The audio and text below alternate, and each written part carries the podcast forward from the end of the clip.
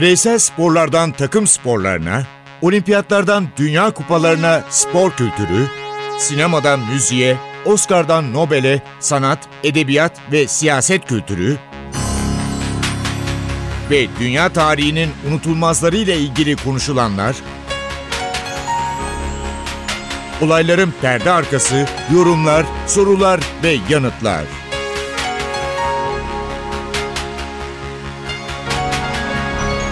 Ercan Taner ve Mert Aydın'la Ateş Arabaları başlıyor.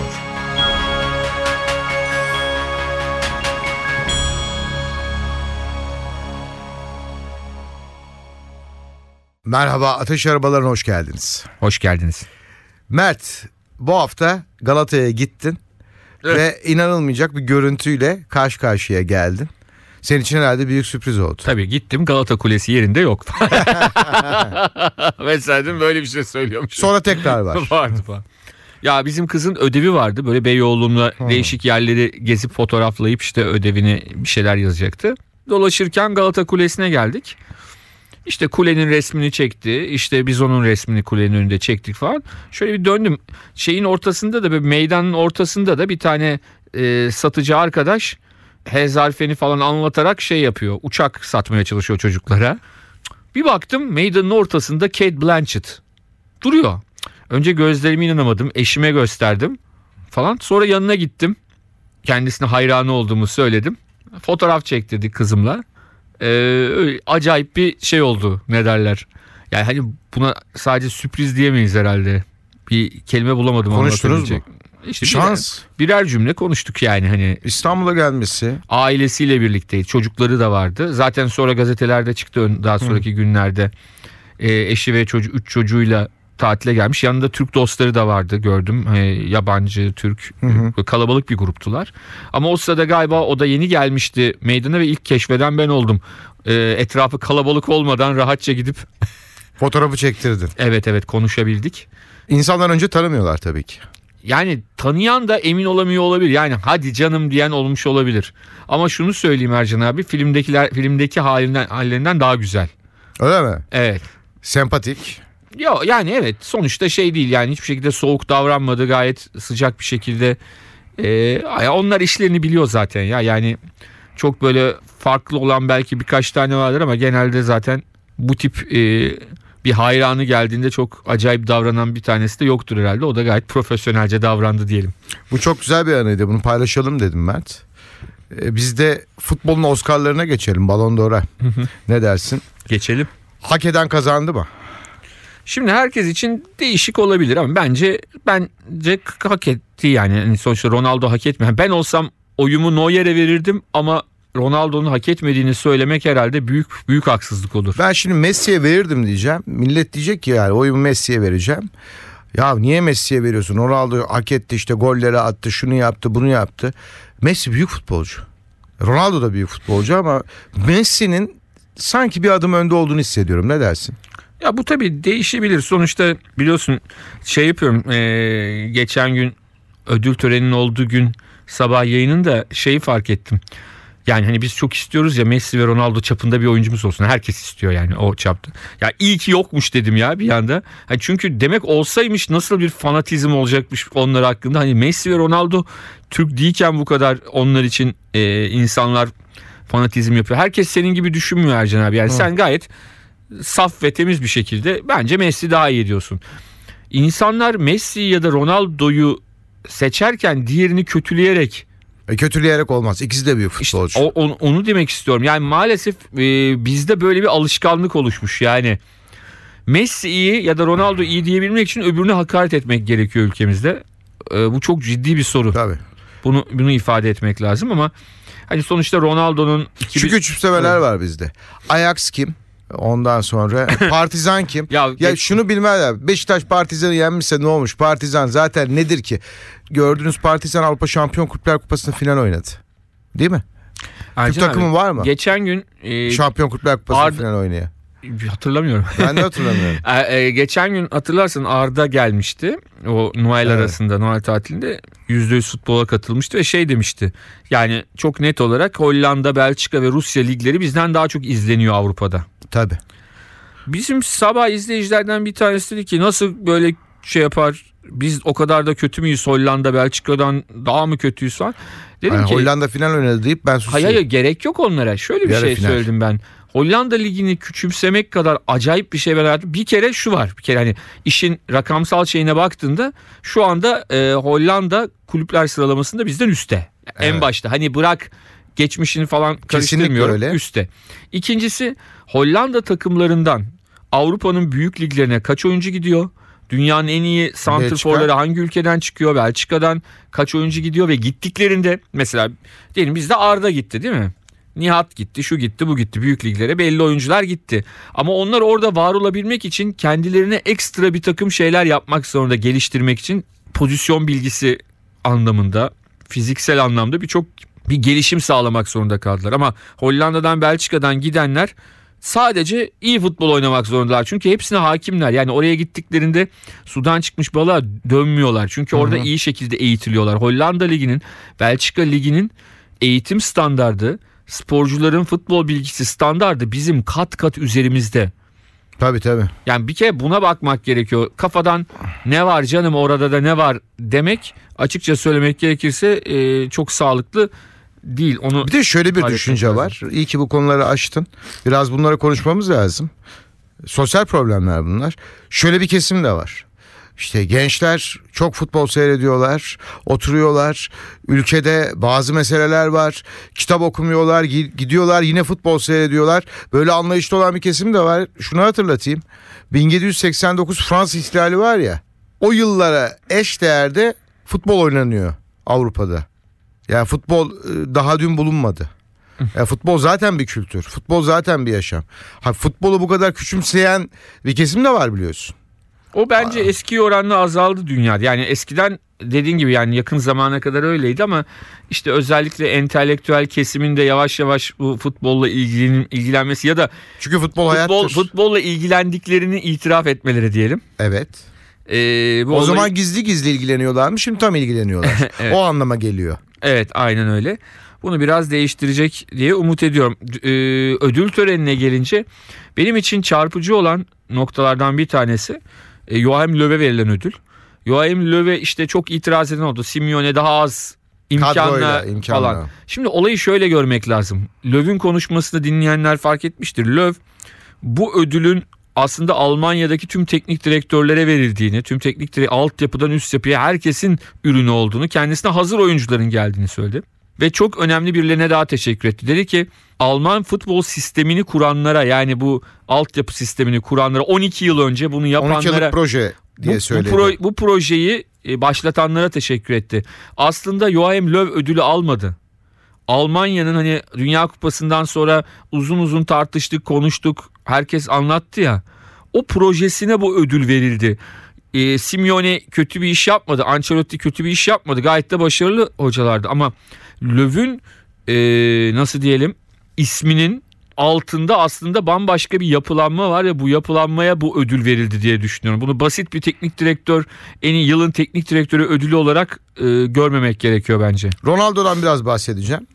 Bilinmeyenlerini söyleyeyim. E, fakir bir aile. 5 Şubat 1985 doğumlu ve Ronaldo Benfica'lı. Benfica hayranı. Onu söyleyeyim ve 8 yaşındayken babasının malzemeci olarak çalıştığı amatör takım Andorinha kulübünde forma giyen Ronaldo Nasyonel'e gidiyor. Sonra da Sporting Lisbon'a geçiyor. Ronaldo gerçeği başlıyor ama çok kişi bunu bilmeyebilir. Ronaldo futbol oynarken e, bir sağlık sorunu yaşıyor. Ritim bozukluğu. Bir operasyon geçiriyor. Yaş 15 ve bu operasyondan kalbinden geçiriyor operasyonu. Bu operasyondan iki gün sonra tekrar antrenmanlara başlayacak kadar da cesur. Eyvah kalbimde problem mi var? Acaba ben futbol oynayacak mıyım diye düşünmüyor ve onda şu dikkatleri çekiyor bende. Ee, inanılmaz bir hırsı ve mücadele gücü var. Evet. Fiziksel olarak kendisini de çok güçlü hale getirip o yetenekleriyle o fiziksel gücü birleştirdiğinde de hakikaten çok özel bir oyuncu haline gelebiliyor. Şunu da bilmeyen olabilir. 16 yaşındayken Gerard Houllier çok beğeniyor Ronaldo'yu. Liverpool yetkilileriyle konuşuyor diyor ki 16 yaşında bir çocuk var Portekiz'de. E, biz bunu alalım. Liverpool'un ağır abileri gidiyorlar, izliyorlar diyorlar ki daha genç ne olacağı belli olmaz. Biz bunu almayalım. Peki diyor Hulliye. Bir buçuk sene sonra Sir Alex Ferguson Cristiano Ronaldo'yu transfer ediyor. O da onun da hikayesinden bahsedelim. Manchester United Sporting Lisbon'la özel bir karşılaşmaya gidiyor. Tabii ki Ronaldo'nun adı ellerinde var, listelerinde var. Onu izliyorlar. Dönüş uçağında oyuncularla konuşuyor. Kendi oyuncularıyla konuşuyor Ferguson ve hepsi ağız birliği etmişçesine Ronaldo'yu alalım diyorlar. Alalım diyorlar. Ronaldo'yu alma ve hemen de alınıyor zaten. Ve ondan sonra da bir eğitim süreci var. Şimdi birçok dinleyicimiz e, hatırlayacaktır. Fenerbahçe'nin e, Manchester United'la oynadığı bir maç var. İstanbul'da 3-0 kazandı. E, Tuncay Şanlı'nın hat-trick yaptığı bir karşılaşma. Mesela o karşılaşmada hep şey diyoruz ya Manchester United yedek oyuncu ağırlıklı yani gruptan çıkmaya garantilemişi çıktı. E, o maçta Ronaldo oynuyor. O sırada Ronaldo'yu eğitiyorlar. Hı hı hı. E, Ronaldo'nun eski fotoğraflarına baktığımızda bizim e, ka, e, Argo'da Apache dediğimiz türden bir genç. Yani e, açıkçası biraz cahil, çok yetenekli ama hani dünya görüşü çok fazla olmayan bir insandan bahsediyor. Ama şimdi Gençler- kendini eğitmiş. e tabii mutlaka. Bambaşka bir Cristiano Ronaldo ile karşı mutlaka işte karşıyayız. yani Manchester United'da onun farklı bir hale getirilmesi projesi başarılı bir şekilde sonuçlanıyor. Ee, Biraz onu istersen e, Messi'ye geçmeden önce yine senin seçtiğin şarkılara bakalım. Ne dersin? Evet. Eski yani eski derken hani çok da 50 yıllık değil ama 20 ila 30 yıllık arası diyelim şarkılar seçtim ben. Ee, Eyvah bu- bayağı 20-30 yıl üzmeyelim insanları. Hayır, bu arada Uyku biz gelmeyecek. de yaşlandık yalnız. Yani 20-30 doğru yılı orta uzunlukta görüyoruz. Evet. Yani hani Frank Sinatra'lara inmeyeceğiz demek istedim. İnsanın Daha- yenemediği tek şey nedir? Bilmece olarak sorayım sana söyleyeyim mi? Yaş. Hayır. insanlar zamanı yenemezler. Evet. Zaman hep önde gider. O zaman onlara bir Eric Clapton şarkısı gönderelim diyelim dinleyicilerimize. Wonderful Tonight.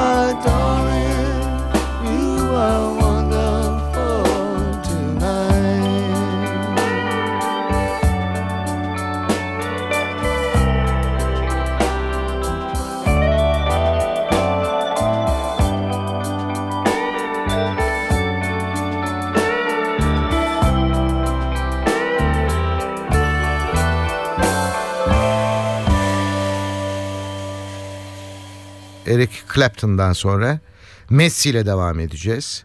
Rosario şehrinde dünyaya gelip 8 yaşında Rosario takımında futbola başlıyor. Fakat bir problemim var.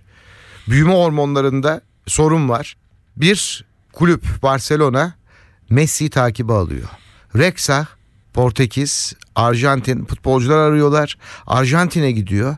Bu oyuncuyu alalım diyor ama rahatsızlığı var. Ailesiyle birlikte Barcelona'ya getiriyorlar. İspanya'ya getiriyorlar. Tedavi ediliyor. Ve o tedavi sonrasında kendine gelmeye başlıyor. Çok küçük bir çocuk. Aradan geçen yıllar ve dünya yine büyük bir oyuncuyla tanışıyor. Kariyeri boyunca Dünya Kupası hariç çok büyük kupalarda her zaman onun adı ve imzası var. Evet 3 kez Şampiyonlar Ligi kaldırmayı başardı. 4 kez de altın top ödülünü Kazandı. kazandı. İspanya Ligi'nde tarihte en çok gol atan oyuncu unvanını bu yıl eline geçirdi. Çok önemli bir e, oyuncu Messi.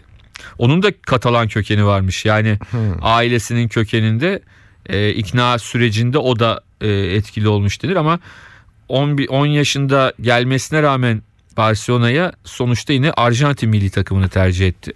İsteseydi İspanya'yı da tercih edebilirdi. Tabii. Ama Arjantin'i tercih etmesi de e, köklerine sadık olduğunu, bağlı olduğunu e, bizlere gösteriyor. Ayrıca ilginç bir terzisi olduğunu ve modacısı olduğunu da söylememiz gerekiyor herhalde. Şimdi iki yıldır kırmızı ve bordo kıyafetler Bu yıl arasında yine geçen yıllar oranla biraz daha sanki daha derli topluydu yani. Moda uzmanı değilim ama. moda uzmanlarına bunu sormak lazım. Fakat demek ki o rengi seviyor. Öyle söyleyeyim. Yoksa giymez Mert. E tabii canım. Seviyor demek. Geçen yıldan daha iyi bence Daha iyiydi doğru. yılki. Neuer diyelim. Küçük bir çocuk Neuer'de ve 20 yaşından itibaren Bayern Münih'in dikkatini çekiyor. 21 yaşında Schalke'de çok iyi bir performans gösteriyor. Fakat Magat, Felix Magat onu bırakmıyor. Ve Bayern Münih inanılmaz bir bonservis ödüyor. Kaç sene önce? Tam 25 milyon euro. Dünya futbolunda ayağına hakim çok iyi kaleciler geldi. Higuita. E, Türkiye'de de oynayan Cordoba'ydı. Ayağı çok iyiydi. Doğru. Fakat e, Neuer, Yaşın yine daha önceki Lev kullandı. ilk kaleci. Ayağıyla oynayan, çıkan ilk kaleci. Fakat Guardiola şunu itiraf etti. Neuer'e ara sıra soruyormuş. Savunmada oynar mısın? Savunmanın sağına istersen e, seni oynatalım bu maçta. Bu kadar çok güveniyor Guardiola ona. Evet. e, Dünya Kupası'nda da bunu çok gördük.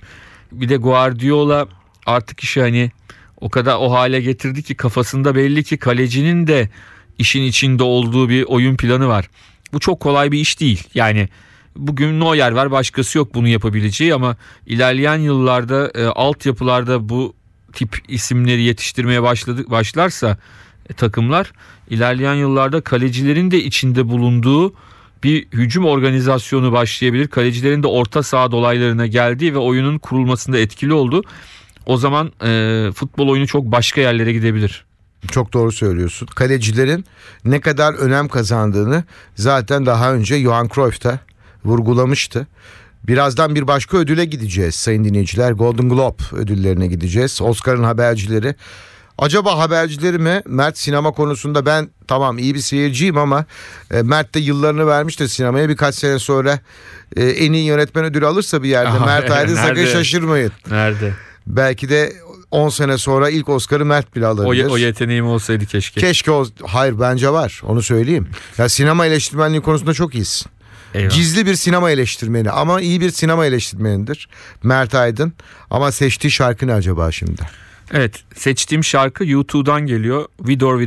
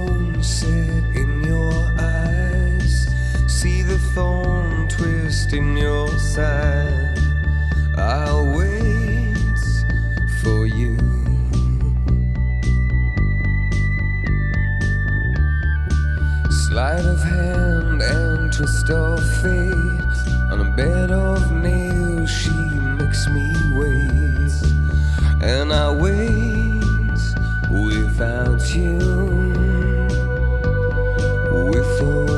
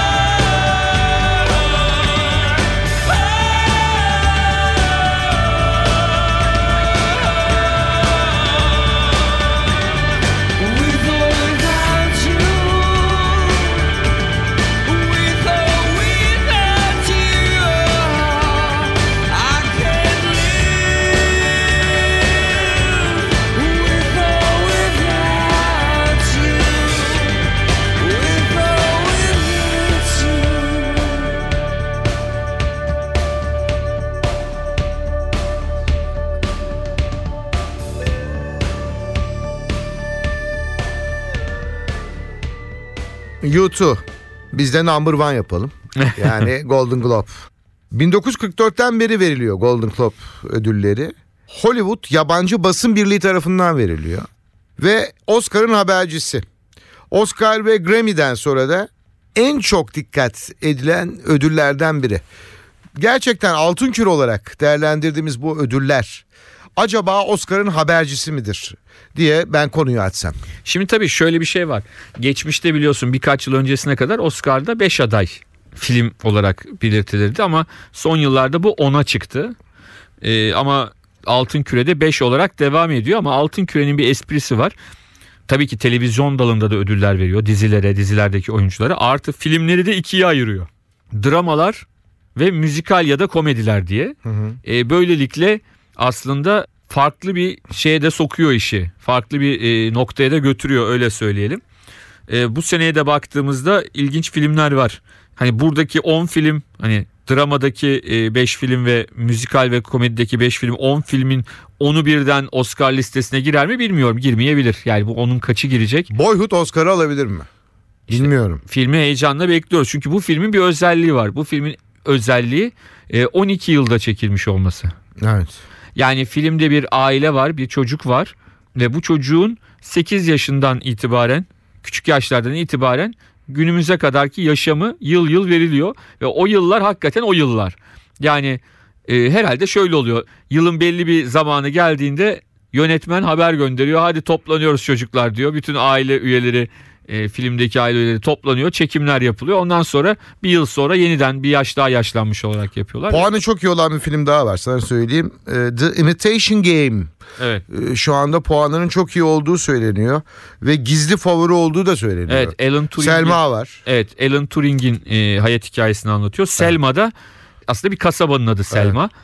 E, Martin Luther King'in e, özgürlük yürüyüşüyle ilgili e, bir film. O da insan hakları ile ilgili bir film ama o filmle ilgili tabii en büyük dezavantaj şu. Geçen yıl biliyorsun 12 yıl 12 Years a Slave filmi Ödül Oscar'ı en iyi film Oscar'ını aldı ve e, kölelikle ilgili e, kölelikten kurtulmaya çalışan bir adamın hikayesiydi. Hani üst üste iki yıl bu tarz bir filmin Oscar'ı alması Biraz film- zor gözüküyor. Biraz e, zor görülüyor. Bizim seyrettiğimiz filmler var. Grand Hotel Budapeşte. Ben seyrettim Evet, filmi. Evet ben. Çok iyi bir film bence. Evet çok enteresan. Aslında tipik bir Avrupa filmi. Yani filmin konusu olsun, çekimleri olsun ama oyuncuların e, İngiliz ve Amerikalı Hollywood oyuncuları olması, önemli yıldızların oynaması filmi çok farklı hale getiriyor. Yani o Avrupa senaryosunda bildik, tanıdık Hollywood oyuncularının görüntüleriyle şeyin Ralph Fiennes'ın yine çok iyi oyununu herhalde altını çizmek gerekiyor Tabii. E, filmde. Hani karikatür gibi bir film diyebiliriz aslında. Schindler. List'ten sonra tabii. Öyle hatırlatalım. Evet tabii oradaki e, Nazi komutan Auschwitz'in komutanıydı orada. yani Yine çok İngiliz hasta. evet, tabii Ee, tabii yani Ralph Fiennes İnanılmaz bir aktör. bu Onu filmde de söylememiz müthiş lazım. müthiş bir oyun sergiliyor. Bu filmde dediğim gibi zaten herkes çok fazla yetenekli oyuncu ve ünlü oyuncunun oynadığı bir film ve aslında genelde Oscar'a aday olacak filmler, Oscar filmleri genelde Aralık, Kasım, Aralık aylarında e, Hmm. Amerika'da vizyona giriyorlar. Yani adayların açıklanmasına çok az bir süre kala ama Grand Budapest Hotel çok daha önce, aylar önce e, vizyona girdi. Buna rağmen yine işte Golden Globe'da Altın Küre'de müzikal ve komedi dalında e, ödülü kaz- e- elde etmiş oldu. Muhtemelen de 10 aday arasında Oscar adayları arasında Grand Budapest Oteli de göreceğiz diye. Senin Abi- bahsettiğin bir film vardı. Sonra Evet, Birdman'i de çok övüyorlar. En Tabii, evet, yani- senaryosunun çok iyi olduğu söyleniyor. E, ayrıca yine Stephen Hawking'in hayatını anlatan The Theory of Everything ki Eddie Redmayne en iyi aktör ödülünü kazandı Altın Küre'de. O filmde ilginç olabilir. Özellikle e, Stephen Hawking'in o talihsiz hastalığa yakalanmadan önceki hikayesini de anlatması anlamında. e, evliliğini eşiyle yaşadıklarını da anlatması anlamında önemli bir film diye düşünüyorum. Ben de hani ne diyeyim iple çekiyorum izlemeyi. Sadece o, onun için bile hani film muhtemelen zaten çok iyi bir filmdir ama onun için bile o dönemin nasıl e, böyle bir şey yaşadı, hastalık yaşadı, nasıl, o dönemi nasıl geçirdi onu anlama anlamında da bence e, ilginç bir Bizim mesleğimizle ilgili bir film de var. Evet var. O adaylardan biri değil aslında. Yani e, Altın Ondan Küre'deki adaylarından biri değil. Ama Altın Küre'de e, en iyi erkek oyuncu dalında dramada e, adaydı Jack Gyllenhaal. Filmin adı Nightcrawler. E, film aslında medya etiğini anlatan geçen ay ya da önceki aydı galiba sinemalarımızda gösterildi. E, Nightcrawler'da gece işte Los Angeles sokaklarında kamerasıyla haber peşinde koşan bir adamın hikayesi anlatılıyor ama freelance çalışan, serbest çalışan ve çektiği görüntüleri bir yerel kanala satan bir adamı oynuyor Jack Gyllenhaal. Ama orada işte hangi sınırları aşıyor, nereye kadar gazetecisiniz, nereye kadar değilsiniz, polisle işbirliği yapmak zorunda mısınız, değil misiniz? O kadar çok etik soruyu beraberinde getiren bir film ki belki e, hani biz meslek icabı filmi çok beğendim. Belki Hani başkaları sıkılabilir, farklı gelebilir bilemiyorum ama Bizim mesleği ilgilendirenler için tavsiye edelim. yüzde yüz, yüzde yüz. İki Ama onun tane dışında dizi- da keyif alınabilecek bir Tabii tabii. iki tane dizi tavsiye edeceğim ki ödül aldılar. Ee, Bunlardan biri Kevin Spacey yine Golden Globe'da House of Cards. Evet. Ee, Erkek oyuncu olarak ödül aldı ve benim çok beğendiğim bir dizi. Bunlar Türkiye'de de yayınlanıyor biliyorsun. Evet, House of Cards Ee, yayınlanıyor. En iyi e, dizi seçildi, en iyi televizyon filmi seçildi Fargo. Ee, Fargo'da unutulmaz bir filmin dizi haline dönüştürülmesidir.